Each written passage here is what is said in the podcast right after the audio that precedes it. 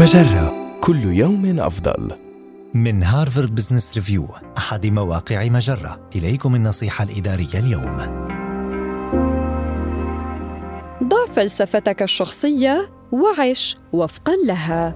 القلق من آراء الآخرين حولنا قد يعيقنا فيجعلنا نتوقف عن انتهاز الفرص ونتصرف بحذر شديد. كما أن حياتنا المهنية تتأثر بذلك أيضا. تتمثل إحدى طرق التغلب على مشاعر القلق هذه في وضع فلسفة شخصية بمعنى كلمة أو عبارة تعبر عن شعورك بهويتك.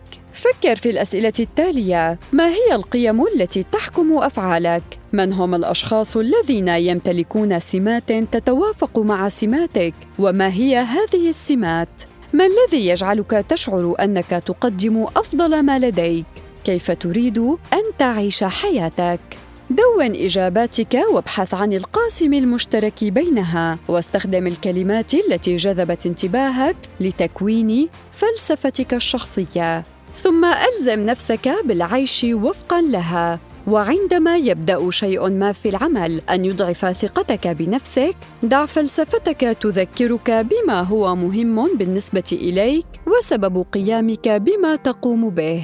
تجاهل الضوضاء الناتجة عن آراء الآخرين وركز على الأشياء المهمة حقا. هذه النصيحة من مقال كيف تتوقف عن القلق بشأن آراء الآخرين عنك؟